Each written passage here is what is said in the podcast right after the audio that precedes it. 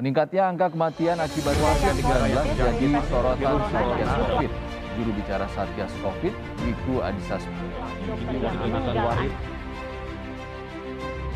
Halo pemirsa, sudah hampir 2 tahun kasus COVID-19 melanda Indonesia, yang di mana penularannya ini terus menghantui. Kasus COVID-19 masuk ke Indonesia pada bulan Maret tahun 2020. Segala aktivitas hanya dapat kita lakukan di rumah, seperti belajar, bekerja, bahkan beribadah kita lakukan di rumah. Walaupun di rumah saja, banyak hal kreativitas yang dapat kita lakukan, seperti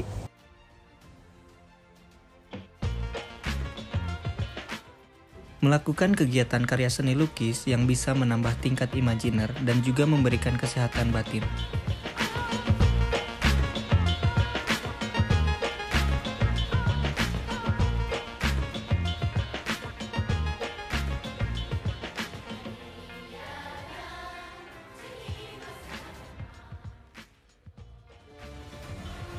Selanjutnya, memasak adalah salah satu pilihan kegiatan kreativitas di rumah. Memasak dapat memberikan kesenangan dan memberikan kesehatan mental. Kemudian, makanannya pun dapat menjadi energi bagi tubuh.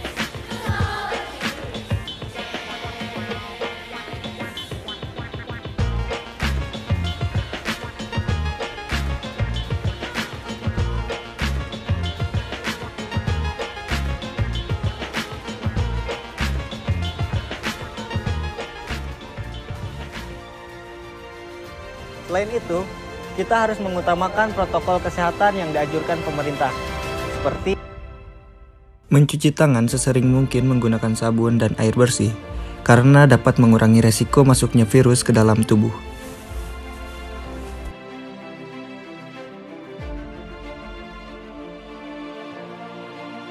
Selalu memakai masker jika berada di luar ruangan dan di tempat keramaian.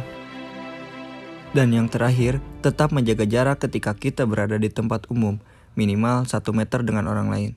Karena hal tersebut juga dapat menurunkan resiko kita tertular virus COVID-19.